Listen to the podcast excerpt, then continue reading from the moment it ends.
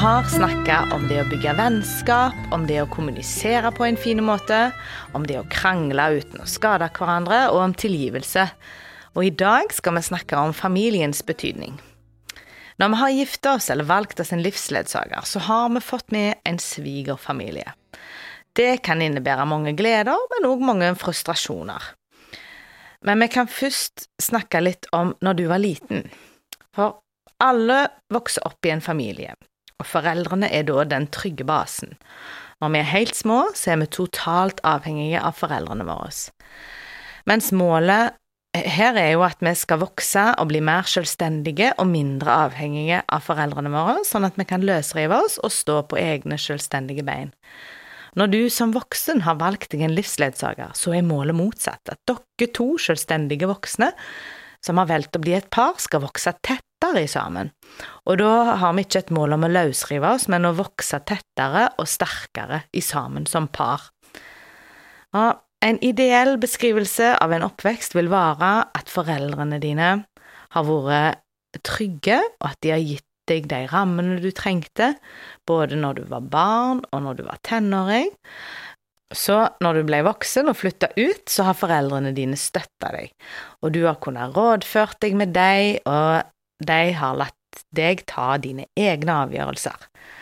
Og når du velger deg en livsledsager, så er det du og den personen som tar avgjørelser, og dere kan rådføre dere med begge sine foreldre hvis dere er enige om det, men det er dere to som bestemmer for dere, og foreldrene på begge sider respekterer deres avgjørelser og valg og grenser. Og dette høres jo gjerne ikke så avansert ut, men her kan være mange skjær i sjøen. Det vet alle som har bodd gift en stund. For det første så kan det være at din egen oppvekst ikke har vært smertefri eller ideell. Her kan du ha fått noen alvorlige sår, Skilsmisse, for eksempel, kan være et sånn et sår som griper ganske dypt inn og påvirker deg i forhold til seinere i livet når du skal ha et forhold. Det kan være at du har vanskelig for å ha tro på at et eh, ekteskap kan være livslangt, eksempel. Eh, det kan òg være at foreldrene dine av ulike grunner ikke har gitt deg all den tryggheten eller de grensene du trengte og det kan gjøre at du har større utfordringer med alle nære relasjoner. Familiebakgrunnen har stor innvirkning på ekteskapet. Det kan være ulike forventninger fra ulike generasjoner som kan skape spenninger innad i storfamilien. Og det er vanlig at vi reagerer på våre foreldre sin oppførsel enten med å kopiere eller å gjøre stikk motsatt. Og dette kommer kanskje særlig tydelig fram i stressa situasjoner, når vi reagerer og handler mer intuitivt fordi det er lagt ned i oss fra barndommen av. Og noe av det vi har fått med oss fra barndomshjemmet er positivt, og de fleste av oss klarer å hente fram noen positive ting, til tross for at det har vært mye negativt. Så er vi skrudd sammen sånn at vi husker godt det positive. Og det er smart og bra å hente fram det som er positivt, og uttrykke takknemlighet til det overfor foreldrene våre. Og om du ikke har mulighet til å takke dem, så vær takknemlig med deg sjøl.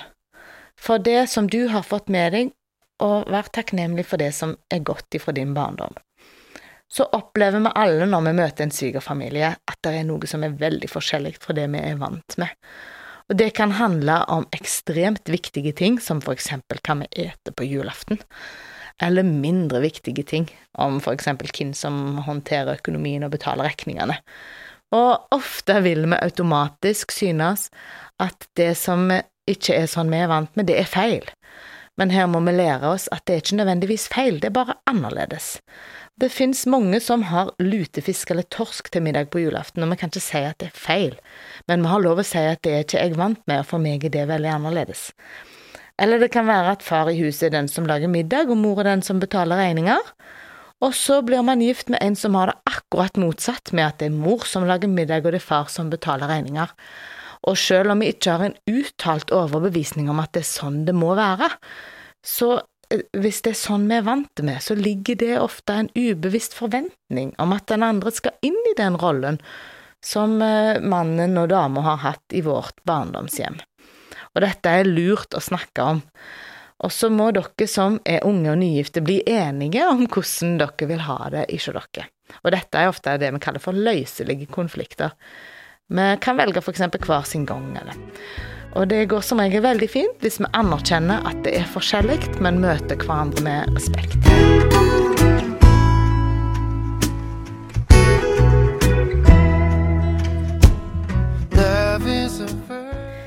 Det negative, det vanskelige som vi har med oss ifra barndommen, det kan være noen vanskelige relasjoner i storfamilien, eller vonde opplevelser i barndommen som kan legge press på vårt eget ekteskap.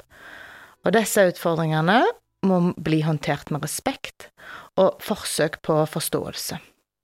Og jeg vil anbefale dere å, eh, som par å sette dere ned og tegne opp deres eget genogram. Genogram det er på en måte et kart over relasjonene. Hvis du googler litt på internett, så finner du eh, hvilken måte du skal gjøre det på. Der skal du på en måte sette inn alle i storfamilien din, og markere kvalitet på relasjonen med linjer og bruke symboler og sånn for å markere f.eks. brudd og sånn.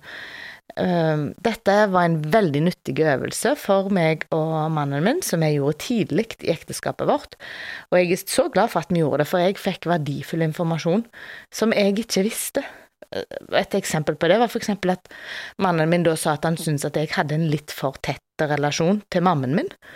Og det hadde ikke jeg tenkt over, og jeg syntes det var helt naturlig at sånn var det. Men når han sa det, så fikk jeg en mulighet til å justere på det. Eh, og det var veldig nyttig og helt rett. Ehm, ja, for lojaliteten må jo ligge hos ektefellen heller enn hos egne foreldre. Bibelen sier derfor skal mannen forlate sin far og sin mor og holde seg til sin hustru, og de to skal være ett.